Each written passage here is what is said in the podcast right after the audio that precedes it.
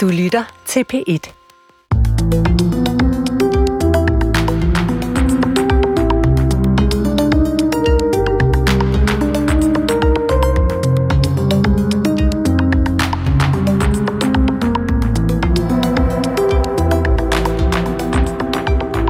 Vores folkekirke er en luthersk evangelisk kirke, og sådan har det været i snart 500 år. Men ifølge en gruppe teologer er der behov for et opgør med det lutherske grundlag for folkekirken.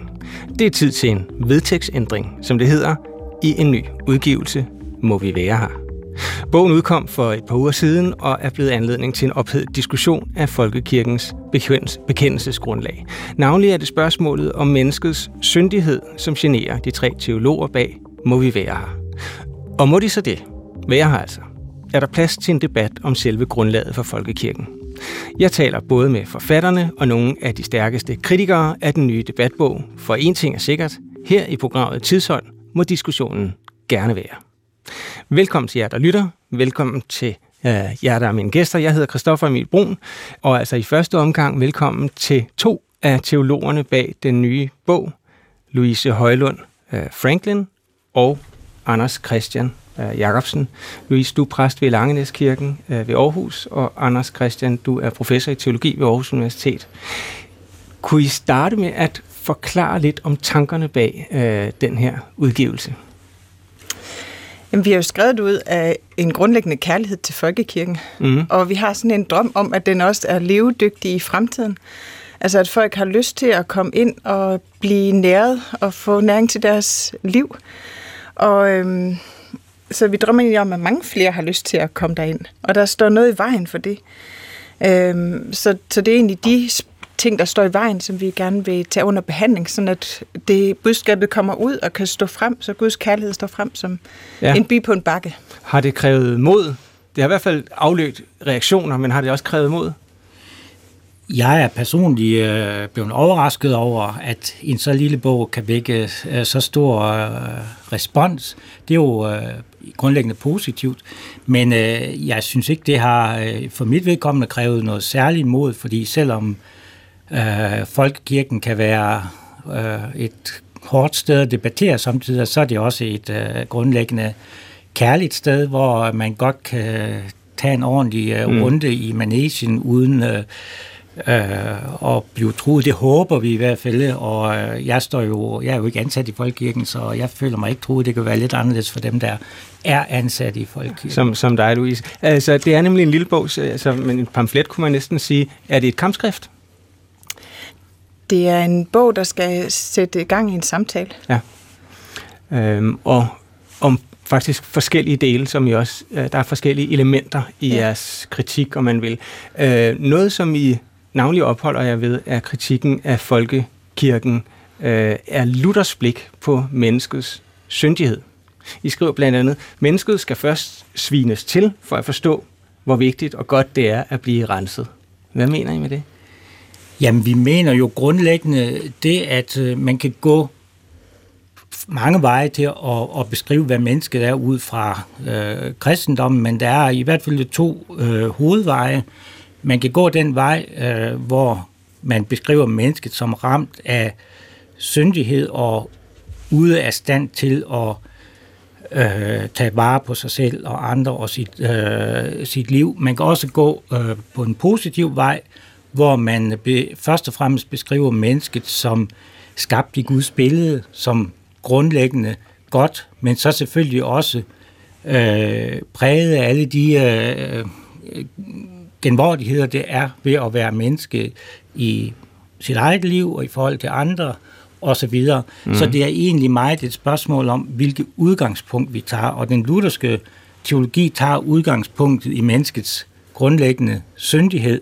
Den teologi, jeg vil tale for og taler for, tager udgangspunktet i, at mennesket grundlæggende er godt skabt i Guds billede og villet af Gud.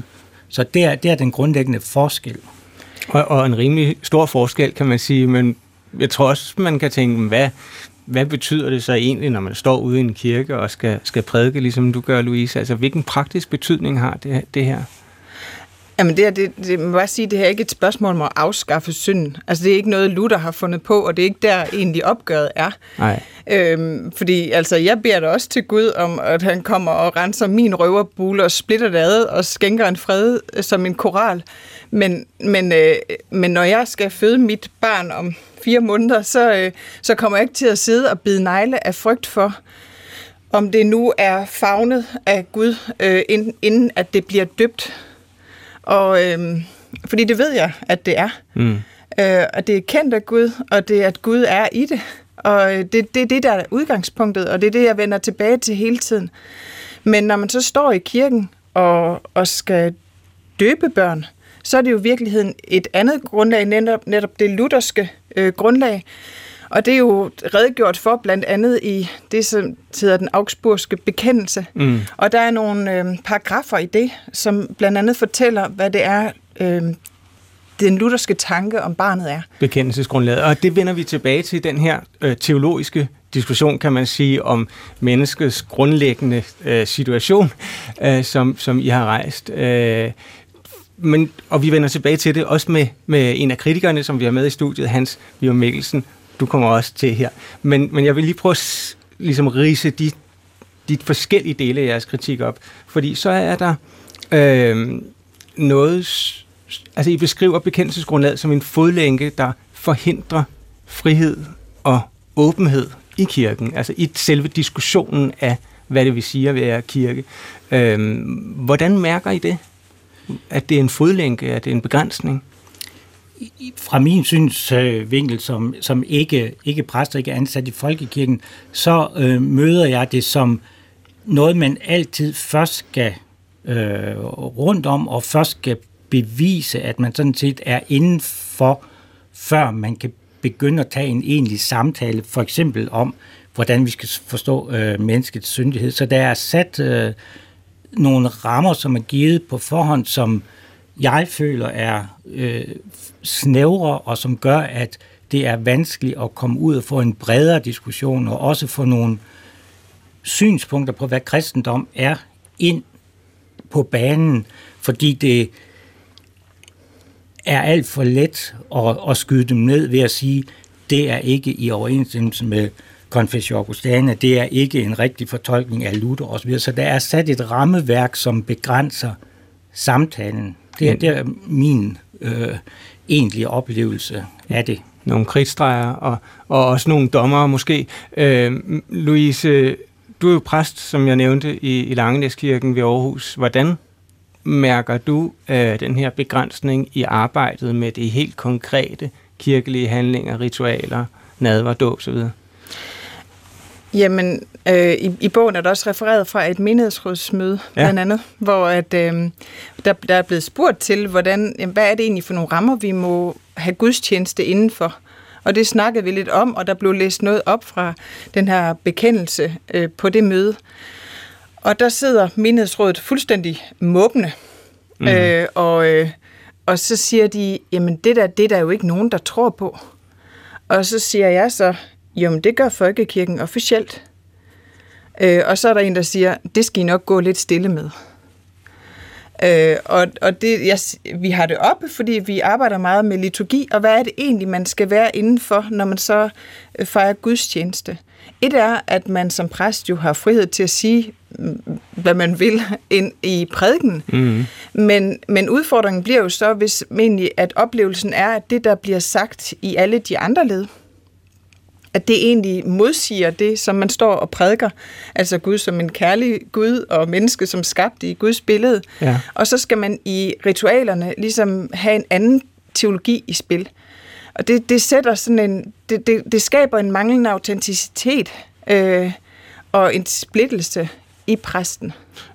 Men der er jo i folkekirken et stort arbejde i gang faktisk, altså i øjeblikket med at netop se nærmere ind på ritualerne, på dåbsritualet, og øh, hvor man ligesom vil prøve at arbejde med dem. Er, er det ikke allerede noget, som er i gang? Jo, men problemet med det er jo, at der har vi allerede de rammer sat. Hvis ikke, hvis ikke vi får øh, mulighed for at skubbe de rammer ud, og hvis de rammer ud, så er rammerne sat for, hvordan den fornyelse af ritualerne øh, kan komme til at se ud, fordi det skal være inden for rammerne af, af det såkaldte bekendelsesgrundlag. Øh, så så det, er, det er det, der hele tiden er problemstillingen, at der er sat nogle rammer på forhånd, som man skal holde sig indenfor. Og mm. hvis, ikke man, øh, hvis ikke man gør det, så skal man hele tiden så at sige, sige at jamen, jeg fortolker rammerne, så må man godt samtidig gå uden over, ud, øh, ud over rammerne, men, men vi kan ikke sige for eksempel i forbindelse med det kommende ritualarbejde, at vi, vi har simpelthen et meget videre, en meget videre rammesætning for diskussionen. Ikke? Det, det kan vi ikke sige åbent til hinanden. Det, det er jo blandt andet det, der er kommet frem i den her diskussion, at, at de rammer faktisk er der, og de er ikke, de er ikke så hvide, som man ofte går og stiger til mm. hinanden i folkekirken. Hvis jeg skal prøve at opsummere uh, jeres kritik i nogle punkter, nu må jeg jo sige til, hvis jeg, hvis jeg ikke gør det uh, ordentligt, men altså, uh, der er ligesom et teologisk argument, som handler om det her lutherske bekendelsesgrundlag, Confessio Augustana, eller den augsburgske bekendelse, som det hedder, øh, og forholdet til menneskets syndighed. Så er der sådan et, et kirkeligt element, kan man sige, hvor at I siger, at der er en begrænsning i udviklingen af kirken og fornyelse af, af ritualerne. Og så er der så det offentlige element, som, som jeg også var inde på her, altså at folkekirken så at sige ikke er i synk med befolkningen eller menighedsrådet, øh, som du fortalte om, øh, Louise. Øh, forskellige dele af jeres kritik, som, øh, som vi går videre med her i udsendelsen i selskab med også nogle af jeres kritikere, og en af dem er med i studiet, Hans Vium Mikkelsen. Du er teolog og rektor på Folkekirkens Uddannelses- og Videnscenter. Øh, I er altså med til at uddanne øh, fremtidens præster, så det er jo på mange måder en debat, som i, i allerhøjeste grad angår dig. Hvis vi skulle begynde med syndigheden, hvorfor er det egentlig så afgørende at lægge vægt på menneskets syndighed, Hans? Jamen, jeg læser det jo øh, modsat. Jeg læser jo syndigheden som en form også for befrielse, som et realistisk menneskesyn. At hvis man ser sig selv i spejlet, så kan man jo tydeligt se, øh, at der ikke kun er det gode, der også er, er det er det onde menneske er for mig at se på en gang radikalt godt og radikalt øh, ondt. Og den realisme, der ligger i, i den erkendelse, er for mig også en, en frisættelse. Jeg bliver sat fri. Jeg ved, jeg kan ikke blive det perfekte menneske. Jeg synes, der er rigelig stræben efter, at vi hele tiden skal opnå det perfekte, blive det perfekte, blive det bedste billede af os selv.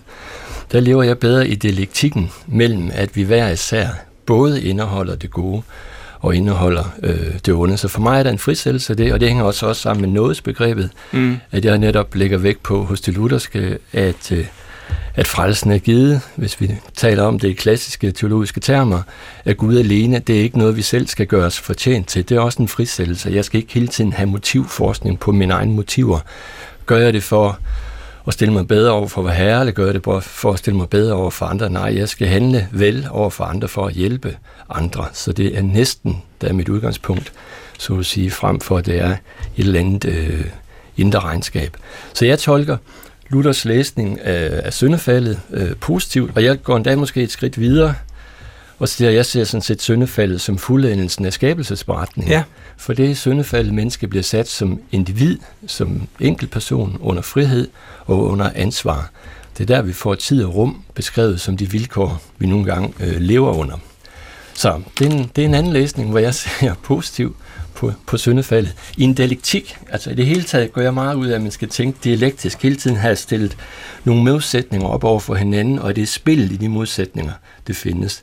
Så jeg synes, uh, Anders' beskrivelser i starten, at man kan gå to veje, er jeg ikke enig i, fordi jeg mener, at der er to veje, der hele tiden må stå over for hinanden. Og også slutter, er der også en fremhævelse af menneskets gudbillighed, ja. samtidig med, at der er en fremhævelse af mennesket som, uh, som faldet. Jeg må bare sige, at det er helt forrygende at stå her i, i P1 og samtale om så grundlæggende ting ved menneskets eksistens og hele menneskets, øh, den menneskelige situation. Altså er vi øh, grundlæggende følt, øh, født som Guds billedligt både onde og syndige, eller er vi, som jeg forstår jer mere, øh, grundlæggende et udtryk for Guds kærlighed som mennesker? Er det ikke rigtigt? Jo, det, det er rigtigt, men, øh, men det, øh, Hans øh, siger nu, er, er jo også at, at læse det, vi siger skævt, fordi der er ingen af os, og det er vi heller ikke skrevet, at mennesket ikke er syndigt. Vi er jo, altså det vil jo være øh, mærkeligt, øh, virkelighedsmodstridende og, og begynde mm. at hævde sådan nogle synspunkter, så det har vi jo selvfølgelig ikke gjort.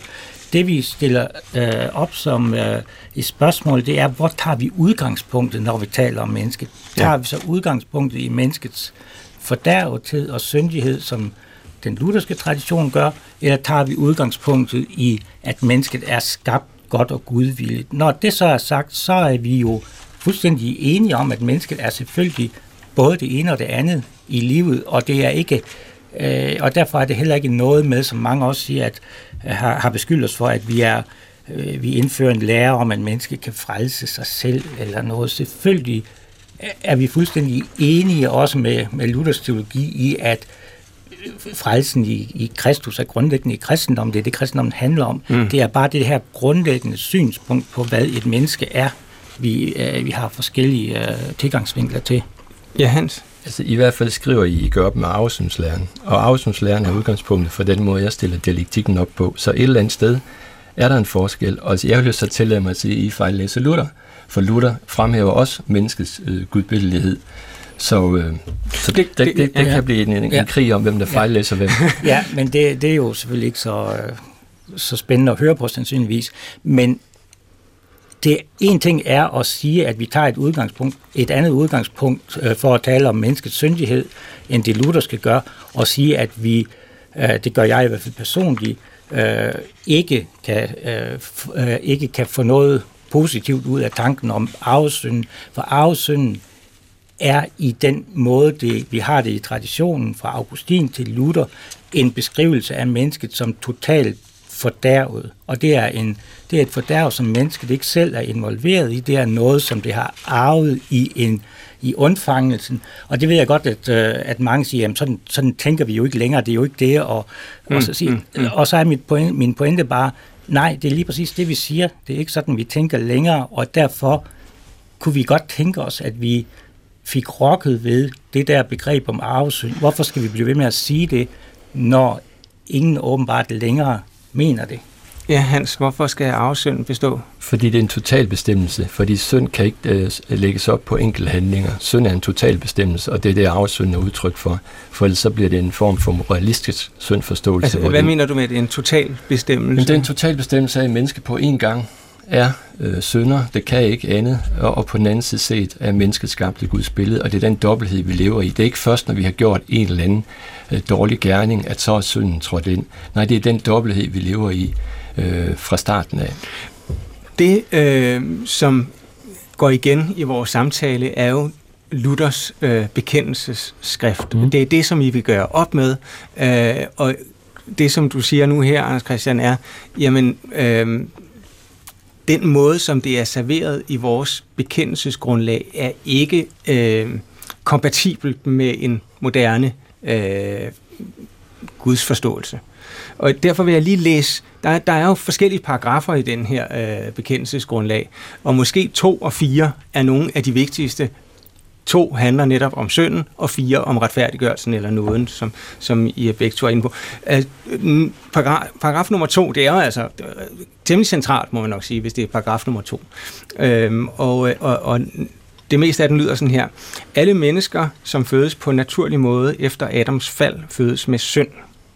Det vil sige uden Guds frygt, uden tillid til Gud og med begærlighed, og at denne arvelige sygdom eller bryst i sandhed er synd som virker fordømmelse, og som også nu medfører evig død for dem, der ikke genfødes ved dåben og heligånden. Øh, Hans, de studerende, som kommer hos jer, mm-hmm. tror de på den form for synd og mulige fortabelser, som Luther her formulerer? Ja, jeg vil jo starte med at sige, at det er jo ikke vedtægter. Altså, det synes jeg også er en af de ting, som jeg er kritisk overfor, og som jeg også tror, jeg nævner i, i min kronik, at hvis man læser Øh, Confessio Augustana som vedtægter i en, en beboerforening, mm. så synes jeg, at man, man laver en fejllæsning. Den er skrevet i, i 1530, der er kommet senere øh, udgaver af den allerede kort tid efter. Så den skal jo fortolkes ind i dens historiske sammenhæng og dens historiske kontekst. Hvad er det, man vil med den tekst? Den tekst er blevet til som en kirkeetablerende tekst i forhold til, til den kirke, man er op imod, og i forhold til en afgrænsning i forhold, også i, i forhold til de reformatoriske kirker Klart. selv. Og får man den historiske kontekst med, så kan man derefter sige, og hvordan skal den så udlægges i dag, og hvordan skal den bruges i dag. Så hvis man ikke sonder både mellem historie og virkenshistorie og brug i dag, så synes jeg, man, man ender med en, en kritik, som læser den en til en, og så synes jeg igen, at den her dialektiske øh, forståelse øh, forsvinder. Mm. Det samme kommer ind, hvis man taler om frelse fortabelse og evig pine uden ophør og sådan nogle ting der er det jo for mig anlæggende eller afgørende at sige, jamen hvis jeg ikke længere tror på himmel og helvede som to rumlige kategorier på den anden side af døden, men forstår det som eksistentielle kategorier, så kan de stadigvæk mening for mig at tale om dem. Men jeg omsætter dem i forhold til den måde, jeg forstår verdensbilledet og eksistensen på øh, i dag. Men det betyder ikke, at jeg ikke synes, at det er relevant stadigvæk, og det betyder ikke, at for mig at se, at konfessor Augustane stadigvæk en en god luthersk ramme at forstå det ud fra, fordi jeg mener, at en kirke har behov for at have en konfessionel ramme, også fordi jeg mener, at frihed øh, er først noget, man har, når man også har bundethed. Ellers så synes jeg, man, man svæver frit, øh, og så for mig at se, er det ikke en fordel at have en konfessionsløs kirke. Mm. For mig er det en fordel, at man har en konfession, som man kan debattere med og, øh, og udlægge og tolke. Men det betyder vel noget, øh, det der står Øh, og det er jo ikke noget, som er hentet ned fra bjerget, så at sige. Det... Nej, det er en tolkning. Alt er ja. en tolkning. Der er sådan set ikke noget, der er hentet ned fra bjerget. Alt er tolket. Også, også Bibelen er en fortolkning. Så kirken, dogmer, bekendelser er alt sammen en del af en fortolkning, og vi indgår i, et fortolkningsfællesskab. Og netop derfor skal vi blive ved med at tolke og udlægge og forstå det både ud fra den historiske forskel, forstå det ud fra for de forskelle, der er, altså ikke bare i historien, men i samfundet, politik, økonomi, kultur, og så sætte det ind i forhold til den forståelse, øh, vi har i dag. For, for tager vi ikke, gør vi ikke te- først teksten fremmed, så at sige, så kan vi heller ikke bagefter gøre den relevant. Vi kan ikke en til en gøre en tekst relevant. Teksten skal have lov til at stå i dens anderledeshed, i dens fremmedhed, for først derefter at kunne gå ind og sige, hvad betyder det så i dag? Louise, øh, er det, er der ikke, er det ikke rigtigt, at øh, i kristendommen er det jo helt fundamentalt, at der er forskellige udlægninger. Bare af evangeliet er der jo fire. Det er et fortolknings, øh, en fortolkningsreligion. Jo.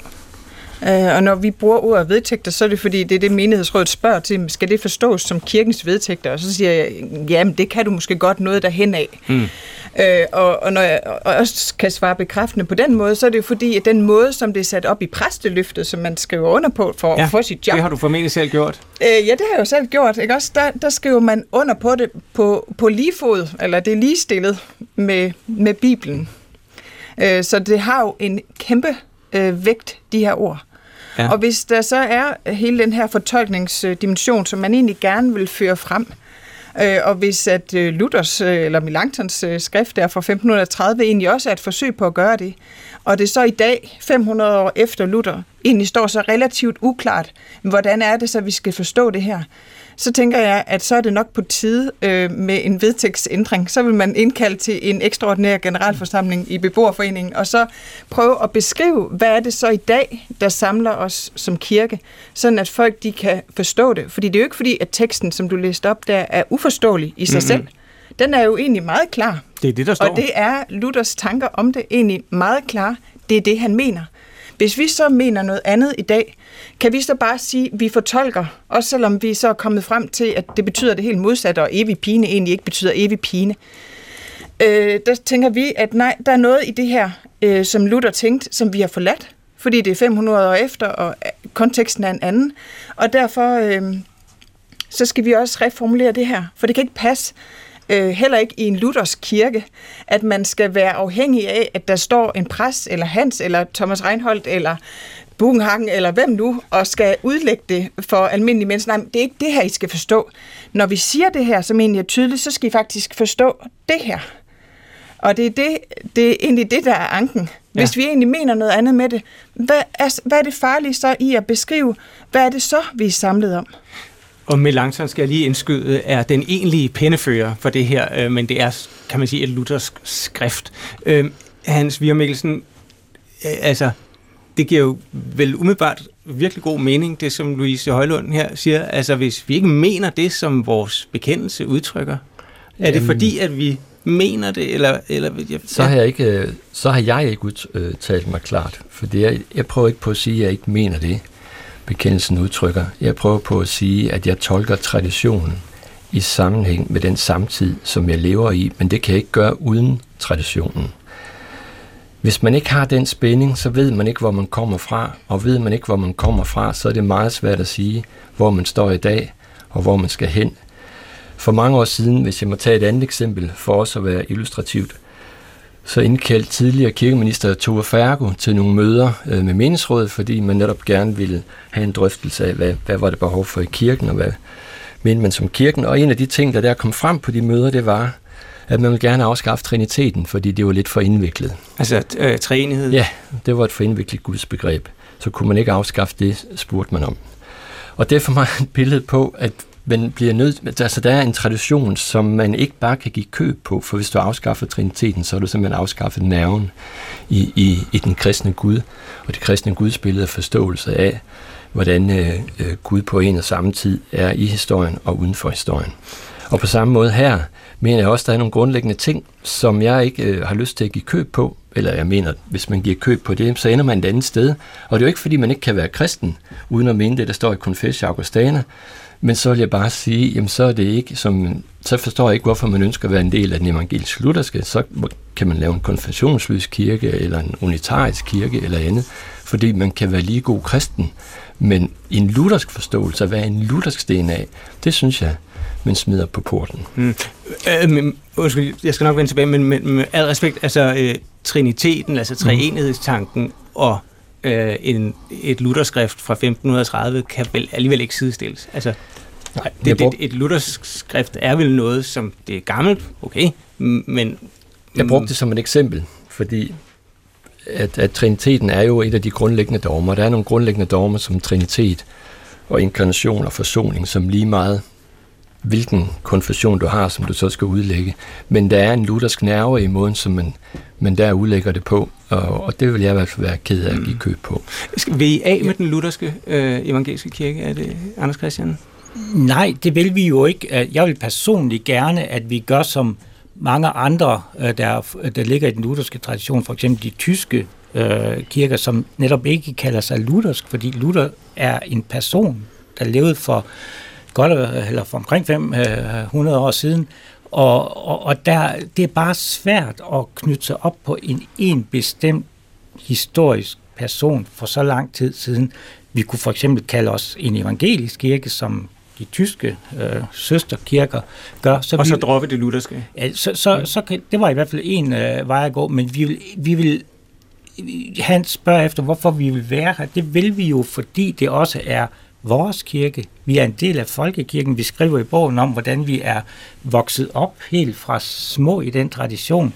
Og fordi vi tolker den tradition, og også er et andet sted i vores fortolkning, og sammen med rigtig, rigtig mange andre, og det kan I så spørge efter, hvordan ved jeg, det er det, men det har jeg jo, jeg taler jo med mennesker, øh, så vil vi bare gerne stadigvæk være i folkekirken, fordi folkekirken er vores hjemsted, men der er nogle formuleringer i folkekirkens teologiske grundlag, som vi, jeg og andre har øh, problemer med, og som vi derfor gerne vil have diskuteret og spurgt om, om vi ikke kan tage det frem og se på det og sige, hvad er det her for nogle ord, hvad er det her for nogle tanker.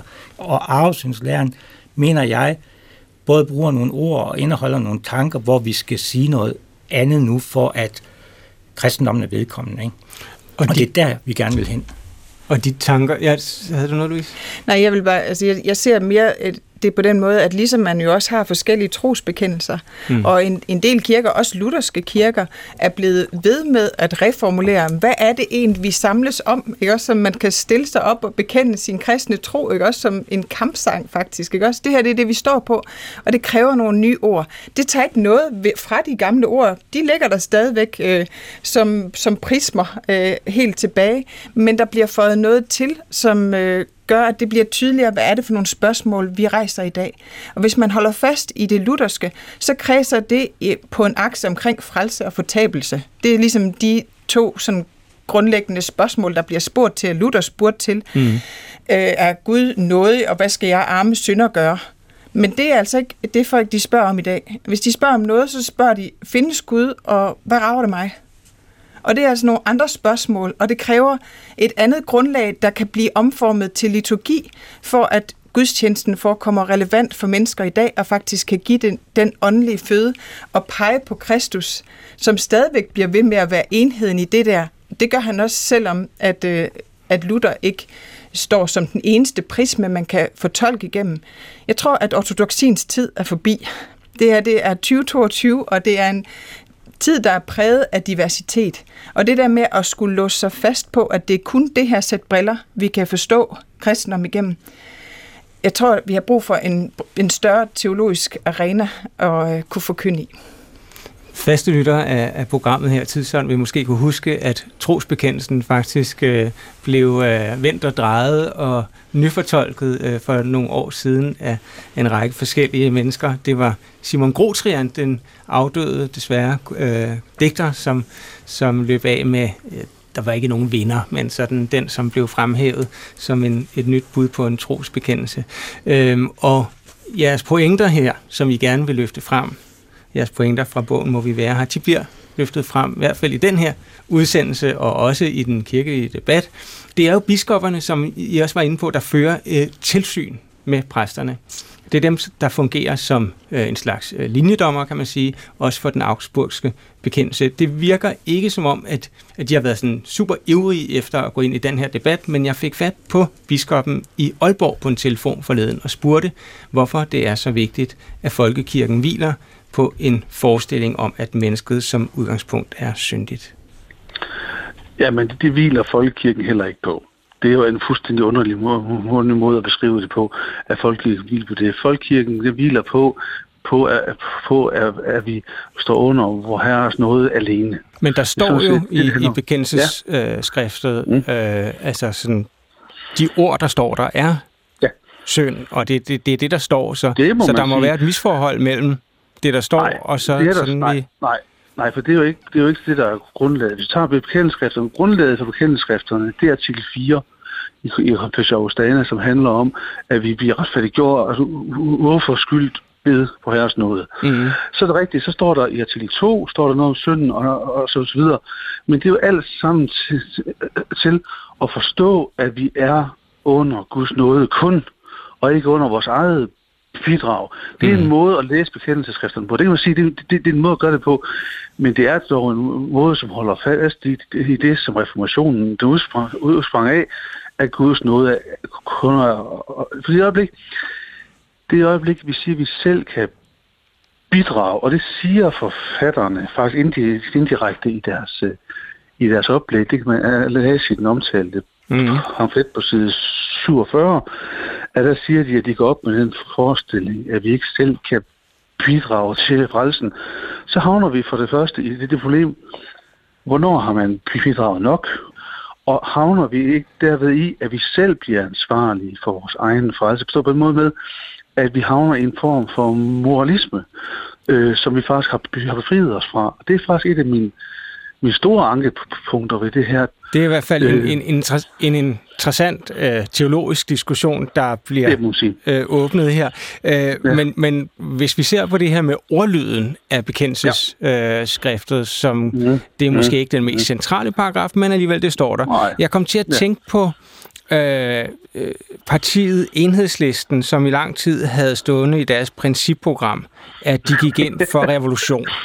Ja, og på et tidspunkt så tænkte jeg, ja, det er altså ikke nok, at det er noget, vi, vi, vi kan fortolke på. Det gør vi ikke, mm. og derfor må vi ligesom også ændre det, og det gjorde de så. Ja. Øh, kan man ja, sammenligne ja, det? Ja, ja. ja, man kan godt sammenligne på, stå på en måde, måde med, altså nu skal vi lige holde fast i, at bekendelseskrifterne er altså skrift, der ikke er faldet ned oven for himlen. Bekendelseskriftet er skrift, der er skrevet i 1530 i den tidsbrug. Og ja. det, der er kernen for den evangelisk luthersk kirke, kan jo aldrig være det skriftlige udtryk.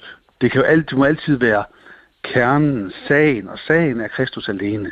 Øh, Thomas, nu er du biskop ikke i, mm. øh, i Aarhus, hvor den ene af forfatterne, Louise, øh, tilhører, men, men øh, retsteologen Kirstine Garden øh, mm. mener, at, at det kræver ligesom en biskoppelig reaktion, øh, at en af præsterne på den måde øh, mm. stiller spørgsmålstegn ved selve bekendelsesgrundlaget. Hvad mener du? Jamen, det, det, det har jeg set, og det har hun også ret til at have en holdning til.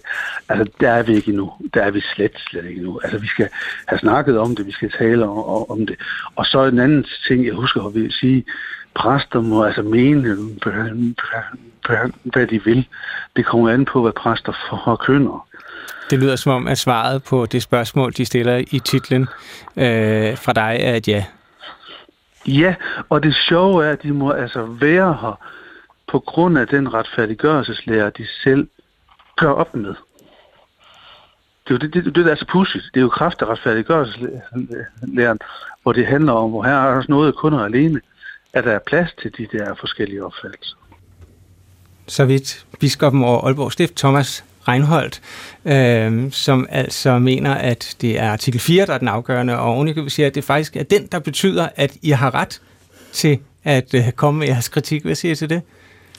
Vi har faktisk lige sendt en kommentar ind til Kristelig Dagblad, hvor ja. at, øh, vi har besluttet at øh, ændre titlen på bogen efter den her debat, Nå. hvor det, der øh, når os, øh, sådan, når vi ser det sådan, samlet set, så er det faktisk, at ja, det må vi gerne. Der er nogen, der siger, nej, det må I ikke. Mm. Øh, men så vi har ændret titlen, og vi gør det, når vi sender den ud fremover til, vi er her. 500 år efter Luther, folkekirken. Ja. Øhm, så, så, så, så det er også det, vi er kommet frem til. Der er jo noget, der hedder en modreformation. Eller der hed. Er det her en form for modreformation? Øh, det kan man måske godt øh, kalde det. Jeg synes, det der for mig er allervigtigst at sige, når jeg hører det øh, klip, som øh, Thomas Reinholdt øh, øh, og det han siger i det klip, ja. det er anerkendelsen af, at vi må være her. Det, det er jo vores hovedspørgsmål, og det er det, vi har været i tvivl om. Så det er, det er, det er virkelig godt at vide, mm. at en biskop øh, siger det til os, selvom det ikke er biskoppen i Louises øh, stift. Så det, det, det, det er det helt, helt afgørende for mig, vil jeg, øh, vil jeg sige. Men vi kan godt sige, at det, ja, en modreformation, ikke en modreformation, forstået på den måde, at vi vil vende tilbage til noget, der var før. Øh, men måske en modreformation, som den katolske kirke havde på øh, reformationstiden, hvor de brugte Luthers og andre reformatorers opgør til en selvrensagelse, hvor, hvor man spurgte, hvor, hvad betyder det for vores øh, teologiske synspunkter, og derefter holdt et koncil og ændrede på visse punkter i, øh, i deres øh, teologi i 1500-tallet. Sådan tænker jeg også godt, at vi kan forstå det her nu, at hvis vi vores opråb her, hvis det kunne føre til en samtale, hvor vi alle sammen øh, bestræber os på at spørge os selv og hinanden efter, hvordan kan vi formulere teologien nu, så synes jeg, vi nået et, øh, et rigtig mm. langt stykke. Og, og Louise, din egen øh, biskop Henrik V. Poulsen, han har udtalt, at han har læst og fulgt debatten med interesse, men hvornår og hvorvidt der bliver indkaldt til en afklarende samtale, er udelukkende en sag mellem Louise Højlund Franklin og mig. Øh, så det øh, bliver jo spændende at se, hvad den øh, kommer til at gå ud på. Hans Fjord Mikkelsen, øh, du har, vil måske gribe fat i nogle af de andre ting, som, øh, som Thomas Reinholdt var inde på. Jamen, jeg havde to ting. Øh, den ene det er, at jeg glæder mig sådan set over, at I vil ændre titlen, fordi jeg har ikke øh, på noget tidspunkt kunne forstå, hvorfor I skulle smide offerkortet for at gå ind i den her debat. Så, så det synes jeg sådan set er dejligt, at I, at I dropper det. Og det andet, det var lidt i forhold til det, der, der blev sagt øh, før interviewet med, med Thomas Reinholdt. Og det er, at, at måden, når jeg både læser kronikken, og så ser uddybningen i, i bogen, så synes jeg, at for mig er det sådan lidt en, en, øh, en woke-læsning, øh, altså en cancel culture. Der er noget i traditionen, som man, man vil udradere for så at få plads til noget nyt. Hvor jeg synes, det mere spændende er, hvis man hele tiden har en, en kontinuitet, ser hvor kommer man fra, hvor man på vej hen, og så laver nogle nye læsninger i stedet for nye tolkninger ind i, i den nye tid, man er, fordi selvfølgelig kan man ikke bare overtage øh, en til en det, der er blevet sagt før. Men for mig kan det virke, hvis jeg må tillade mig at bruge ordet, lidt naivt, at der er noget, man smider helt ud, for det bryder man sig ikke om, og så går man tilbage øh, til oldkirken og siger, her har vi så det gods, som vi, vi vil bruge nu, uden netop også at fastholde, at oldkirken har der en stor historisk skæld, er der en stor øh, skæld i forhold til politik, i forhold til kultur, i forhold til magtstruktur. Så den tekst er lige så fremmed og skal udsættes for lige så et stort syrebad. Øh, og der synes jeg næsten, det virker som om, man tror, man kan tage oldkirken, uden at vil give den det syrebad, som man er i gang med at give Luther. Mm. Øh, det er så, det er så øh, diskussionen om, hvad, ja. hvad skal vi tage med os, og hvad skal, øh, hvad skal parkeres, så at sige. Hen, øh, Reinholdt er også inde på noget, som du også var inde på, Hans, nemlig at det her kan blive en form for moralisme. Hvad betyder det? Hvordan kan det det? Ja, jeg tror, det Thomas og jeg mener med det er, at, at hvis man begynder at tale om, om det på en måde, hvor man ikke øh, holder fast i, i det centrale udgangspunkt, at mennesket er frelst af noget alene, og det betyder i udgangspunktet, at mennesket kan ikke gøre for sin egen frelse, men det er noget, man modtager, det er, er en gave. Hvis man modificerer det til at sige, at mennesket er også kan også gøre noget. Mennesket kan også være agent på sin egen frelse, eller kan gøre gerninger, som er med til at gøre, at man bliver stillet bedre på den ene eller på den anden måde. Så, så er man jo på vej imod en moralisme til at sige, så skal du gøre de gode gerninger øh, af, af den grund. Mm. Og der er pointen jo netop på slutter, du skal kun gøre dem alene for at, at, at hjælpe din næste. Altså, han siger, at de gode gerninger skal tjene næsten og næsten alene, og det ved jeg godt er et opgør mod en aflast aflast, tænkning, katolsk aflasttænkning, og, og, og den vej rundt. Men der er en, en pointe i det øh, stadigvæk, at vi bliver simpelthen øh, fritaget for motivforskning. Hvad, hvad tænker I om det teologiske spørgsmål? Vi er, øh, jeg kan ikke se, hvad, hvad den, hvor den moralisme skal øh, skulle komme fra, i, den, i hvert fald ikke i den teologi, jeg øh, repræsenterer. Den eneste grund til, at jeg med, med lange teologiske traditioner kan tale om, at mennesket kan medvirke i, i frelsesprocessen, som handler om, hvordan man lever i det, i det mm. her liv, det er, fordi mennesket er skabt i Guds billede, fordi Kristus er i mennesket, ikke, ikke bare fra juleevangeliet er, men helt fra skabelsen. Ikke? Det, det er den eneste grund, så, så hvis vi skal bruge det der lutherske, hvad kan mennesket, hvad kan Gud, øh, Øh, så, så er jeg enig i, at mennesket kan ikke noget selv, men mennesket kan noget, fordi Gud er i mennesket med sit billede fra skabelsen af. Så, så hele den der skældning mellem, hvad kan Gud gøre, hvad kan mennesket gøre, den er egentlig øh, efter min mening misvisende, fordi Gud og menneske er nært knyttet sammen i den her gudbillighed. Ikke? Så, så det, det, er, det er en, måske en meget anderledes måde at tænke på, end man har i den klassiske lutherdom, men det der med, mennesket gør noget selv, mennesket frelser noget selv, det ligger ikke i de traditioner, jeg øh, trækker på i hvert fald, og heller ikke hos mig selv. Du kan stadigvæk ikke selv gøre dig fortjent til mere frelse?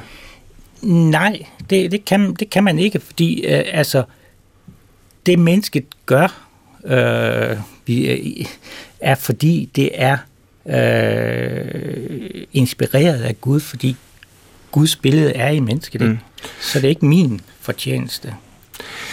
Det er en spændende øh, og også en vanskelig øh, teologisk diskussion, øh, som, øh, som I har startet her, og som jeg som sagt er glad for at tage op, men øh, jeg, jeg vil lige sådan svinge blikket lidt ind på bare sådan, tror jeg, som mange folk er flest, og en gang imellem går man i kirke, og øh, også som jeg oplever her i programmet, laver, laver programmer om forskellige religiøse emner hver uge, og oplever egentlig en stor opmærksomhed i befolkningen omkring åndelighed, kan man sige, spiritualitet, religiøsitet. Hans, er folkekirken i tilstrækkelig trit med den? Ja. Ja. Er det korte svar? Ja, altså når jeg spørger det, fordi der er en stor tilslutning til folkekirken, det er der ikke nogen tvivl om. Knap 75 procent, altså hver tredje, er med i folkekirken. Men det afspejles måske alligevel ikke så meget i, i kirkeliv. Øh, der er det ikke 75 procent af befolkningen, der kommer. Kan vi godt blive Der er jeg jo så glad lutheraner, fordi jeg jo netop ser en, en vedvarende sammenhæng mellem kirkeliv og samfundsliv, og netop mener, at det finder jeg hos Luther i en forståelse af, at der skal være et positiv vekselvirkning mellem dem, øh, både mellem kirken og mellem samfundet. Øh, og netop når den gode gerning tilhører næsten og næsten alene, så er det lige så godt, at den gode gerning finder sted ude i samfundslivet, som det finder sted øh, i kirkelivet. Men hvad angår det andet, det, den øh, nye åndelighed, ja. der vil jeg jo netop sige, at, at for mig at se er, er folkekirken en kirke, som har en enorm mangfoldighed, en enorm åbenhed, og jeg tror, det er en af grundene til, at folkekirken bliver ved med at have så stor en tilslutning, er, at der er en, en, en rummelighed, og der sker rigtig mange aktiviteter. Også ved siden af højmessen. Også kirkelige aktiviteter. Og vi har jo lavet en stor befolkningsundersøgelse i, i Folkekirkens Uddannelse og Videnscenter, der lige er kommet, mm. som øh, også øh, som har spurgt over 4.000 respondenter i forhold til deres syn på Folkekirken, og der har været et kæmpe interviewarbejde med nogle af dem bagefter. Og der er det netop tydeligt, at højmessen er en et element i folkekirken, men der er alle andre elementer, og det er fra kultur, det er fra koncerter, det er til pilgrimsvandringer, det er til babysalmesang, det er til liturgisk dans. Der er en mangfoldighed og en rummelighed i folkekirken, hvor hvis præsten og den lokale menighed kan blive enige om, hvad der er brug for, så kan der ske rigtig meget. Men for mig ser der også en beskyttelse i, at netop præsten og, og menigheden skal blive enige om det, for ellers mm. så kan vi også ende med, at det bliver den enkelte præst, der bliver lokal pave, og det vil jeg ikke bryde mig om. Så mm. jeg er glad for ramme, det jeg startede med at sige. Ja. Konfessionen er med til at give en bundethed, der netop giver frihed. Uden den bundethed er jeg bange for, at friheden øh, vil, for, vil erodere, fordi så var der ikke den fælles ramme, som gjorde, at man var en enhed. Ja, altså kan I se det for jer, at hvis man slipper det, så slipper det fri som i USA eller eller andet? Menigheden har faktisk meget øh, lille øh, mulighed for at påvirke den teologi, som forkyndes i kirken. Mm.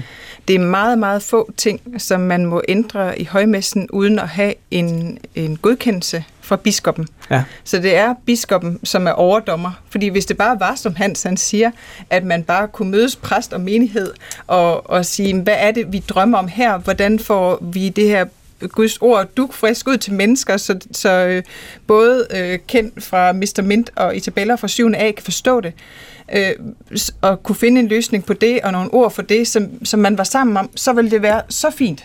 Altså, så ville faktisk det almindelige præstedømme, som, som Luther taler for, være virkelig gjort. Men sådan er det ikke. De liturgiske processer, som også jo har et, et meget stort øh, teologisk fokus, mm. de foregår jo et andet sted de øh, grupper, der blev nedsat for at finde ud af, hvordan vores liturgi skal være fremadrettet, de er jo nedsat af biskopperne. Der sad ikke øh, lægfolk med. Og det er også biskopperne, der bestemmer, hvilket kommissorium, som den nye øh, øh, øh, dåbskommission skal arbejde under.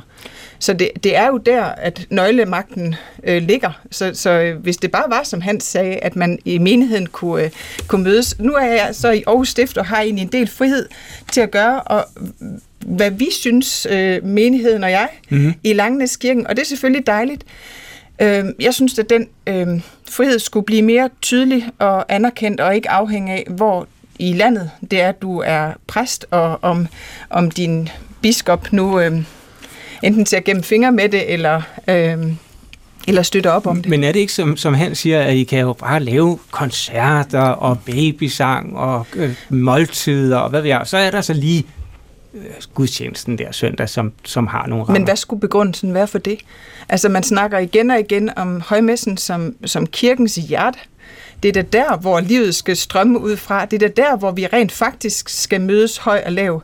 Og, og det er bare ikke virkeligheden. Og det er en kæmpe anfægtelse for mig, at netop når de her spørgsmål er i spil alle mulige andre steder, øh, når jeg snakker med mine venner, øh, når, de er så optaget af det her åndelige, men de vil hellere til yoga, eller de vil hellere et eller andet andet, eller have det i et andet forum. Hvorfor er det, at den her åndelige føde ikke kan finde sit sted øh, i højmessen? Hvorfor er det, at vi ikke der kan bruge den her teologi gennemført i både bønder og ritual og i prædiken, og inddrage menigheden i det? Hvorfor er det, det ikke er der, hvor hjertet rent faktisk er? Hans Virm, har, du en kommentar til det her? Hvordan? Ja, altså, nu jeg, vil jeg jo umiddelbart mene, at det jeg kender i hvert fald, der er vores præst og meningsråd, de er enige. Så synes jeg, at der er min erfaring, at så er der også en ret stor lydhederhed øh, blandt biskopperne, som, som det ene. Og som det andet, så er der altså også øh, mange, som netop er glade for, at der også er en tradition og en traditionel øh, gudstjeneste. Og der skal jeg da med det samme indrømme, at det hører jeg selv med til, at det er noget af det, jeg elsker ved højmessen, øh, den både genkendelighed og, og den tradition, der er der. Og så er der mange muligheder for alternative gudstjenester ved siden af, hvor der er usædvanligt store frie rammer i den danske folkekirke, øh, faktisk.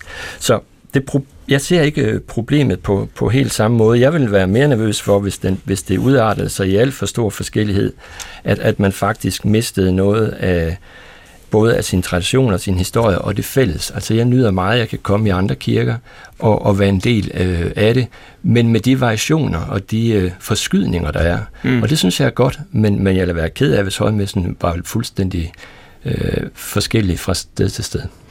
Lad mig spørge her til sidst.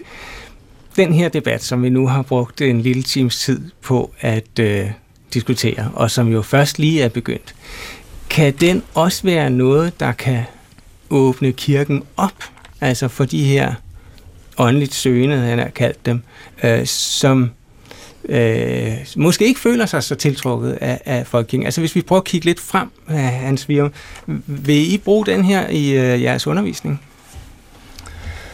Nu er det jo heldigvis sådan, at jeg ikke definerer, hvad den enkelte lærer skal undervise øh, materiale. Øh, det er op til den enkelte underviser selv. Øh, der kan sagtens være nogen, øh, som vil gøre brug af den, og, og de vil også kunne gøre brug af den på, på vidt forskellige vis.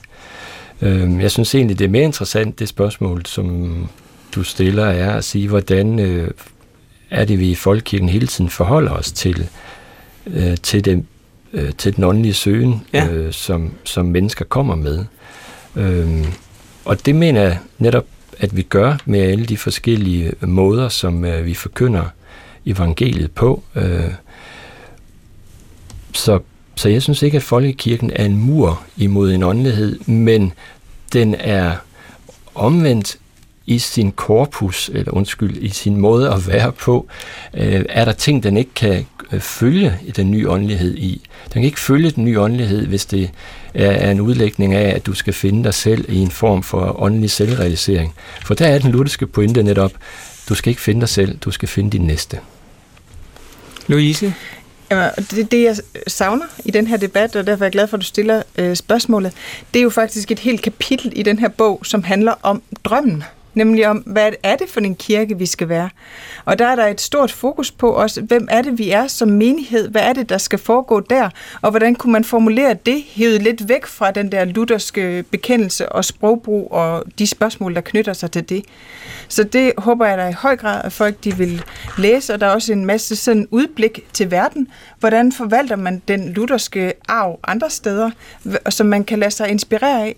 Der er Danmark øh, et utroligt øh, lukket øh, og egentlig luthersk ortodox land, også i sin... Øh, sit dåbsritual, og hvordan man ellers forvalter sin arv, hvor der er masser at hente, hvis man kigger ud over landets grænser og lader sig inspirere af det. Ja. Og vi forestiller os jo ikke en fremtid, hvor der ikke kommer til at være rigtigt eller forkert, eller der er noget, som ikke som ikke hører til, altså, som vi ikke kan forbinde os med. Vi forestiller os bare, at en bredere og mere nutidigt formuleret skive, og der er billedet egentlig, at øh, i Australien, hvor man har så mange får, ikke også, der giver det ikke så god mening at sætte øh, hegn op, der er det vigtigt at tydeliggøre, hvad det er for en kilde, vi er sammen om. Og det er egentlig det arbejde med at tydeliggøre i vores sprog, i en teologi, der stiller de spørgsmål, som skal stilles i dag, at få tydeliggjort kilden, så, så vi har kirkens enhed omkring den, og ikke så meget omkring nogle kridtstreger, som er trukket op i 1530. Øh, som i enhver god thriller, så er der lagt op til en, øh, en part 2 i den her diskussion, og måske også en, øh, en, en efterfølger til den her bog. Hans Vier, vil du sige noget her til, på falderevet? Ja, på falderevet vil jeg sige, at jeg tror omvendt, at en af grundene til, at Folkekirken har så stor en, så mange medlemmer, det er, at Folkekirken formår på en og samme tid at være en bekendelseskirke og være en institution, der også øh, er kulturelt og historisk øh, bundet op. Og jeg tror, det er den dobbelthed, der gør, at vi har så mange medlemmer. Hvis vi lægger så meget fokus på det, til vi bliver en ren bekendelseskirke, så vil jeg tro, at medlemstallet falder, og det bliver mere øh, sekterisk. Lars Christian? Ja, altså, jeg vil øh, her også på faldrebet godt bare lige slå et slag for, at, at øh, vi kommer lidt videre øh, end det at have en folkekirke, der er centreret om en lille elite, der, der føler sig godt hjemme i højmessens meget øh, klassiske og uforanderlige øh, liturgi, og så henviser alle andre udtryk for, øh, for øh, menneskers menneskers kristendomsliv og tænkning til, til alternative former, alternative gudstjenester og kalder det ny åndelighed osv. Der er, folkekirken har brug for at få øh, bredt ud fagne lidt videre, så at også mennesker, der ikke kan se sig selv i de helt klassiske lutherske trosudtryk i højmessen, kan finde sig hjemme og ikke bare skal være henvist til periferien, men også kan få lov at være definerende hvad, for, hvad folkekirken er nu. Og, og dertil hører jo, at hvis man vil have en drøm for folkekirken, så er det jo vigtigt, at man ikke kun forholder sig til en tradition, men også har en ambition, og det, øh, det synes jeg, at folkekirken skal blive bedre til. Det har I i hvert fald haft med øh, bogen her, Må vi være her. Jeg var glad for, at I var her i Tidsånd. Louise Højlund Franklin til daglig øh, præst ved Langenæskirken i Aarhus. Anders Christian Jacobsen, teologiprofessor ved Aarhus Universitet i dogmatik, vidt jeg husker, og Hans Viver Mikkelsen, rektor ved Folkekirkens Videns- og Uddannelsescenter. Tak til alle tre, fordi I var gæster her i Tidsånd, og til at diskutere det her utrolig svære, men utrolig vigtige emne. Tak for invitationen. Jeg hedder Christoffer Emil Brun, og er tilbage igen med Tidsånd næste uge. Kan man ikke vente så længe, så er programmet naturligvis evigt at hente på DR Lyd. Tak fordi du lyttede med, og på genhør.